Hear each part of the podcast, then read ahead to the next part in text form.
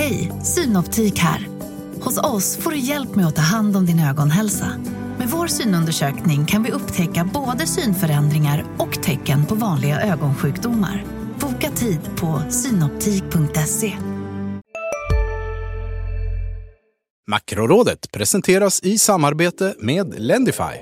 Genom att investera i lån till kreditvärdiga låntagare kan du bredda din portfölj med en ränteplacering som inte korrelerar med börsen. Den genomsnittliga årsavkastningen de senaste 12 månaderna har varit cirka 6% efter kreditförluster och avgifter. Lendify har tillstånd från Finansinspektionen och några av landets främsta institutioner och entreprenörer som investerare. Läs mer på lendify.se. Hej och välkomna till Makrorådet, podden där vi eh, tuggar i oss de riktigt matiga ekonomiska händelserna både på ränte och valutamarknaden, bostadsmarknaden och i makroekonomin förstås. Eh, idag har vi som vanligt två kunniga gäster här. Eh, välkommen säger jag till Johan Javeus, chefsanalytiker på SEB och sen Annika Winst, chefsekonom på Nordea. Varmt välkomna. Tack. Tack. Jag heter Johanna Jansson. Jag hoppar in för eh, Makrorådets upphovsman Viktor Munkhammar som eh, är föräldraledig. Och idag har jag äran att få prata med er lite om konjunkturläget i USA, vad som kanske kan få Riksbanken att överraska oss och lite annat. Först tänkte vi prata lite om politiskt stök i södra Europa.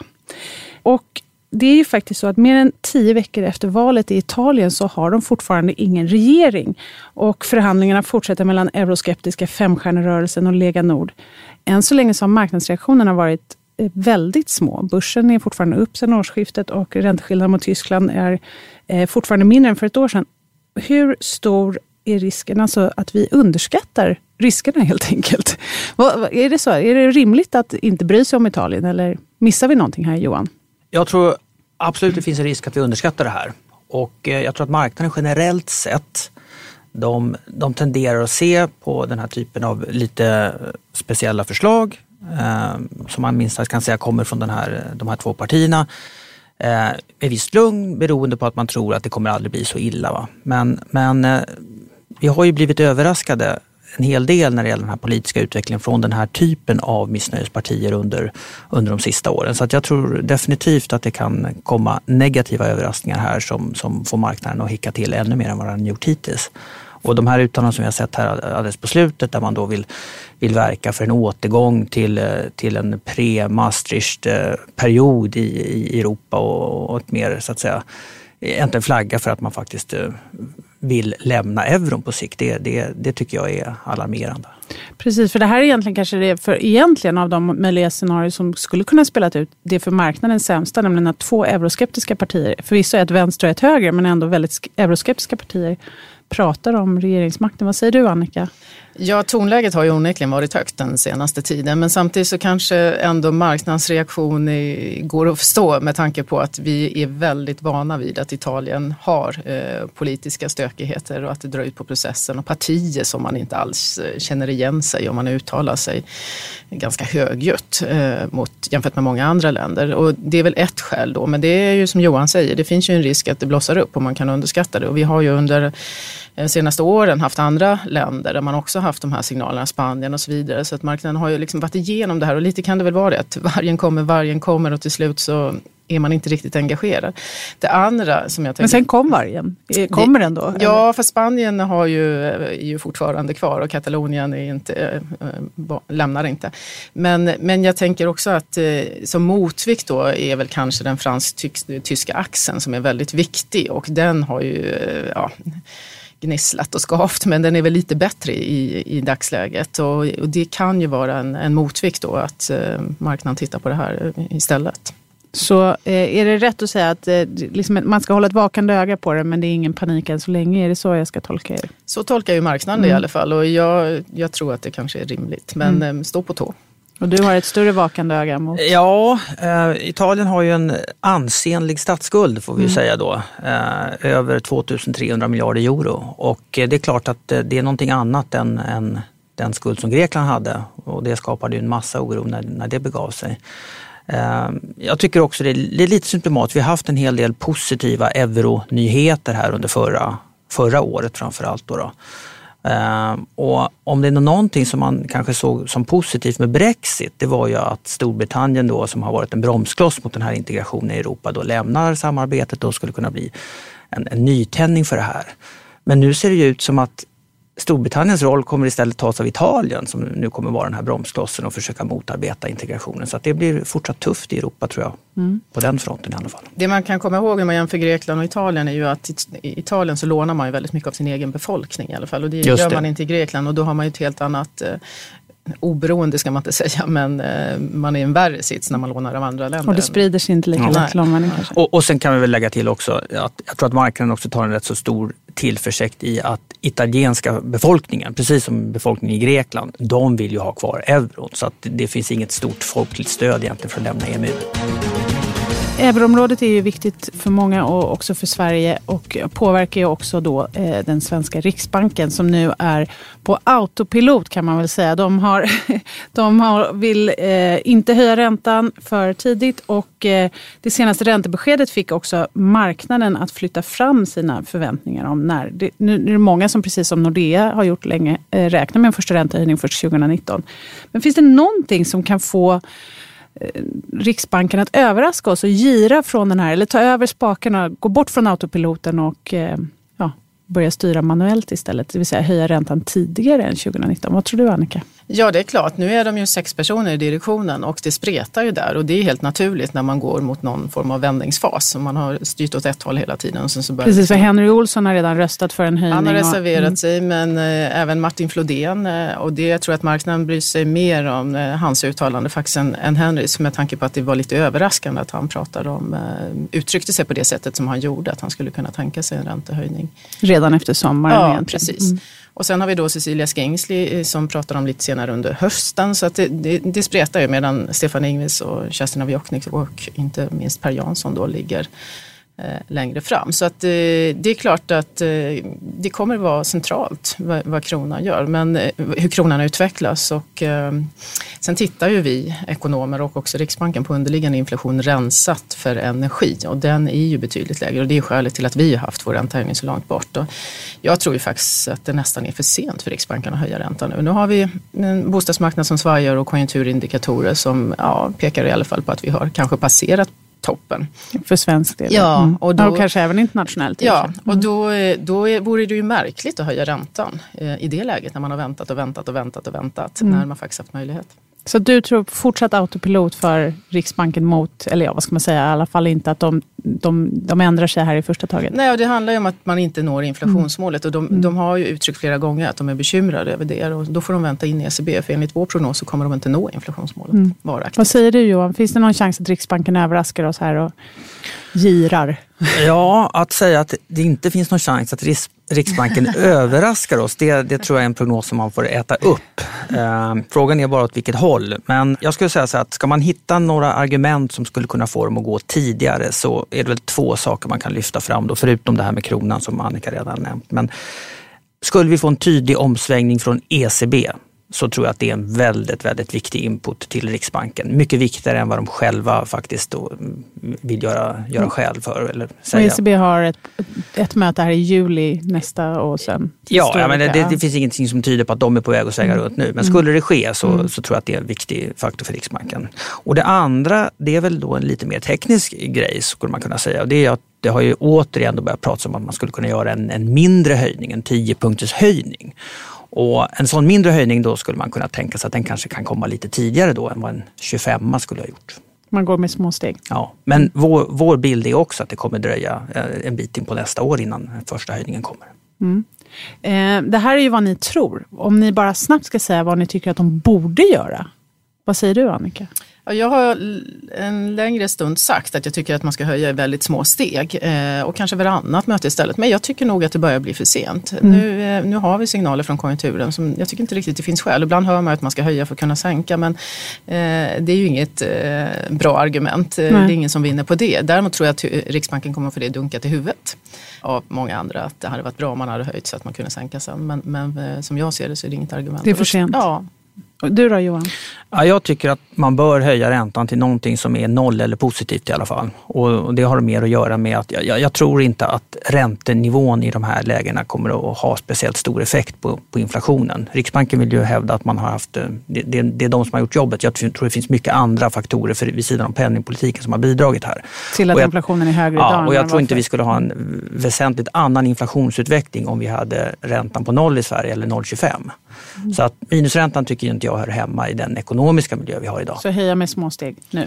Typ. Ja, eller små eller, eller bara dra till. positivt ja, fall. Okay. Men, men jag, eh, det håller jag med om. Men däremot så tänker jag att hushållen är väldigt räntekänsliga idag på de här. Hej, Ulf Kristersson här. På många sätt är det en mörk tid vi lever i. Men nu tar vi ett stort steg för att göra Sverige till en tryggare och säkrare plats. Sverige är nu medlem i Nato. En för alla, alla för en. Vi är specialister på det vi gör, precis som du. Därför försäkrar vi på Swedea bara småföretag, som ditt. För oss är små företag alltid större än stora och vår företagsförsäkring anpassar sig helt efter firmans förutsättningar. Gå in på swedea.se företag och jämför själv. låga nivåerna och eh, därav så, så finns det skäl att fundera mm. och vara vaksam. Ja, men spännande. Vi får se. Eh, det är, åtminstone från skribenthåll här då, från Dagens Industri, vore det kul om Riksbanken gjorde någonting. Mm. Så då har vi någonting att skriva om i alla fall. Ja, även vi för får oss. se. Ja, även för att skaka om det här lite.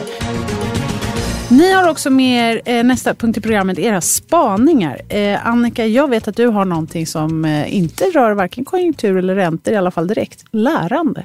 Berätta. Mm. Livslångt lärande har mm. jag och eh, långsiktigt så påverkar det ju den strukturella tillväxten i alla fall. Och eh, tanken med det är att vi befinner oss i en strukturomvandling redan nu och då tänker jag på AI och eh, robotisering och så vidare. Och när man lyssnar på politikerna så får man ibland känsla av att det är morgondagens utmaning men det är ju redan här. Och för att man inte ska hamna i en situation som man har gjort i USA och Storbritannien där folk känner sig rädda för att de inte har kompetens för de nya jobben och så proteströstar man. Så tycker jag att det vore oerhört värdefullt om vi börjar diskutera hur vi kan hjälpa människor och ta de här stegen till nya branscher eller utvecklas inom det företag man är. Och personer som är eh, lika gamla som jag äldre kommer ju behöva vidareutbilda sig. Och jag tänker att vi har en föräldrapeng i Sverige men vi kanske också ska ha en utbildningspoäng med tanke på att det här är en stor strukturell förändring. Att vi gör det lättare att gå från från ett jobb till ett annat? Eller våga Nej, ta steget? Ja, men liksom. att, du, att du får en, en peng som du kan använda till utbildning. Om den ska vara individbaserad eller om den ska vara anställningsbaserad, det tror jag man får eh, göra analys, djupare analyser på. Det har jag inte riktigt svaret på. Men jag tror att det vore väldigt värdefullt om man kunde hjälpa människor under livets gång att vidareutbilda sig. Och det kanske man ska göra i samarbete med högskola och universitet. Mm. Då gäller det att man hittar någon flexibilitet där så att inte universiteten står fast med personal som bara används när företagen efterfrågar den och så, där. så det finns ju många utmaningar. Men min kollega Andreas Wallström var ju här i podden och pratade om att vi har en låg statsskuld. Vad vore bättre än att investera i svenska befolkningens utbildning och kompetens. Och, och, det här skulle jag önska att vi, att vi pratar om. Och det är som jag sa bråttom. Andra länder ligger betydligt längre fram än vad vi gör. Mm. Vad säger du Johan, har du någon synpunkt på detta? Normalt sett brukar man ju säga att Sverige ligger bra till. Vi har liksom en, en historia av vuxenutbildning, komvux och annat. Men vi kanske släpar efter här. Vad säger du?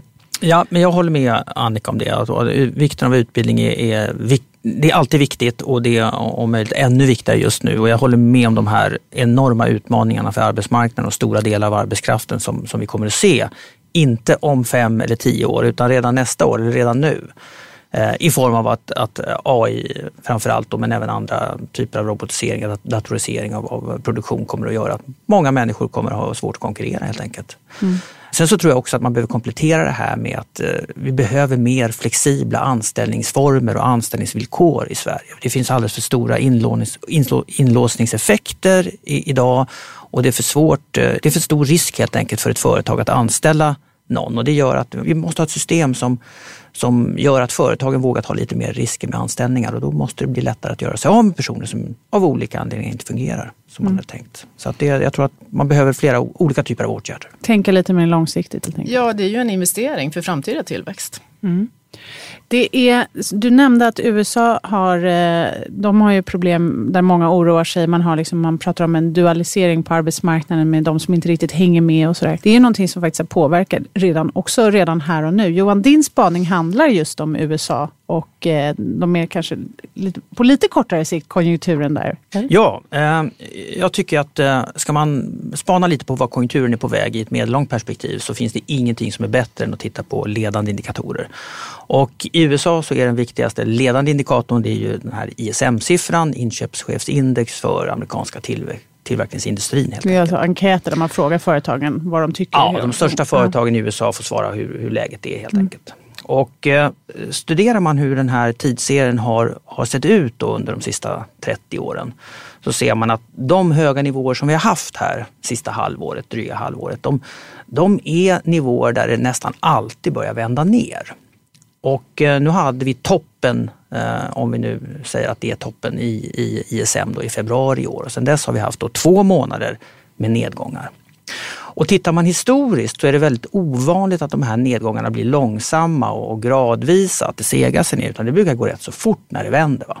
Sen behöver det inte vända så mycket och gå så långt ner att det blir en ny recession.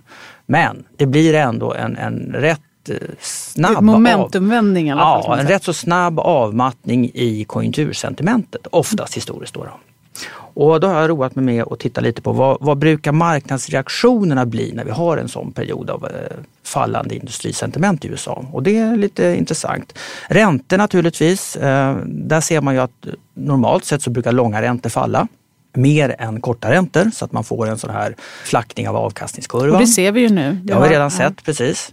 Däremot så har det inte det skett då sen, sen den eh, topp vi hade i februari. Än så länge får vi säga. Då, då. Räntorna har faktiskt gått upp i USA sedan dess. Börser kan man ju också roa sig och spana på och eh, där är det lite intressant. Man kunde tänka sig då att om vi då får en, en, en vändning i konjunkturen att det skulle vara negativt för börsen. Men faktum är att det är positivt i nästan alla de här tidigare vändningsfaserna så har så har börserna fortsatt att stiga. Ett tag i alla fall? Ja, eller? men eller minst, jag, jag tittar på sex månader mm. men även tolv månader så mm. får man ungefär de resultaten. Och det gäller inte bara amerikanska börsen utan det gäller faktiskt också svenska börsen. Så att vi kan se fram emot en fortsatt bra börsutveckling då även om vi då får ett svalare industrisentiment. Och sen eh, en, en, sista sak är också att dollarn brukar stärkas i, i den här Och det anar vi lite nu. Man har ändå, många har ändå frågat sig, räntorna stiger i USA, Fed har höjt räntan och sådär men det har inte hänt så mycket med dollarn. Men Nej, men dollarn har, dollarn har stärkts. Mm. Eh, och, och, återigen, om vi då jämför hur de här olika marknaderna har, har, utvecklats eh, så kan man väl säga att vi följer historiska mönstret sedan februari, både vad gäller börser, vad gäller VIX som har minskat eh, och vad gäller då eh, utvecklingen för dollarn. Mm. Och vad händer nu då? Ja, min, min, min, eh, min spaning, eller jag ska säga så att det är inte kanske vår officiella prognos att vi ska få en, en snabb avmattning i USA. Då, men, men om det historiska mönstret stämmer även den här gången så, så tror jag att vi kan räkna med att vi har ett halvår av fortsatt dollarförstärkning, bra börser och fallande räntor. Vad säger du Annika? Stämmer det med er konjunkturbild? Eh, ja, eh, det skulle jag väl säga att det gör. Men det är ju en väldigt intressant fråga. Hur länge kan konjunkturen hålla i sig? Och här har ju Trump-administrationen spett på en eh, redan långt gående amerikansk konjunktur med skattelättnader och annan finanspolitisk stimulans. Så att man kan väl dra ut det en aningen till. Men det är ju ändå så att i marknaden så sitter man och funderar över när ska det här börja vända, mm. vända neråt och när ska vi då få en omviktning det stora kapitalet där ute är pensionspengarna. Från då väldigt mycket risk till, om man går till amerikanska tioårsräntor och kan få 3 procent, så ja, då, då ska det ju börja hända. Mm. Så liksom det är ändå, vi är i början på slutet av den här konjunkturuppgången, kan man säga så? Eller? Ja, det skulle jag tänka. Ja. Ja, vi får se. Eh, som sagt, det här är, Annika, du spanade om eh, de riktigt långsiktiga, eh, det som vi behöver göra på på mycket lång sikt, det vill säga att eh, investera i livslångt lärande. Johan, du hade en medellång sikt eh, för konjunkturen i USA som eh, mognar. Och, men om vi tar det tillbaka till ännu lite kortare perspektiv så tänkte jag fråga er, eh, programmets sista punkt här, vad ni kommer att titta på framförallt i veckan som kommer. Vad är det för konjunkturindikatorer eh, som, som du kommer att hålla ögonen på Johan, kommande veckan? Ja, eh, jag kan väl nämna två. Då. Dels så får vi då nya, eh, nya husstarter för Sverige. Då, då. Eh, det kommer redan eh, här eh, den 17 maj.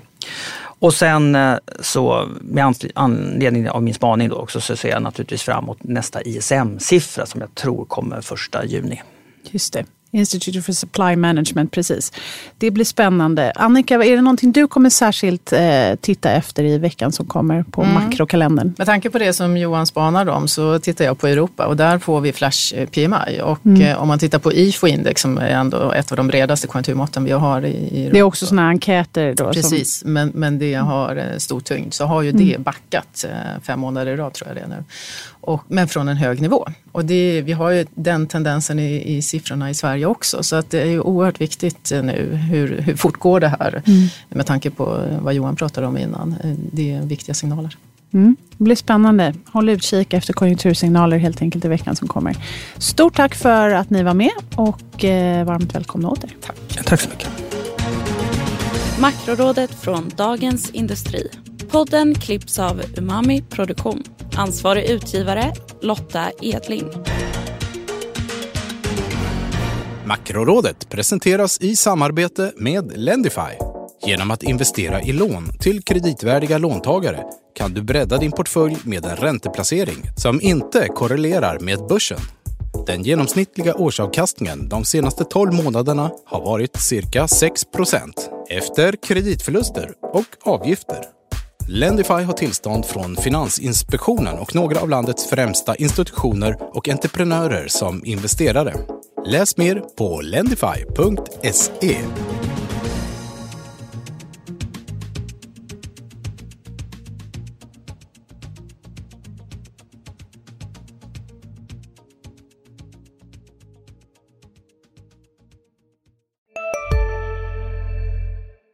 Hej, Susanne Axel här. När du gör som jag och listar dig på en av Krys vårdcentraler får du en fast läkarkontakt som kan din sjukdomshistoria.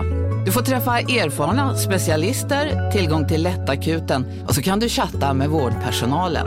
Så gör ditt viktigaste val idag, lista dig hos Kry. Ni är med om det största. Och det största är den minsta. Ni minns de första ögonblicken. Och den där blicken gör er starkare. Så starka att ni är ömtåliga. Men hittar trygghet i Sveriges populäraste barnförsäkring. Trygg Hansa. Trygghet för livet.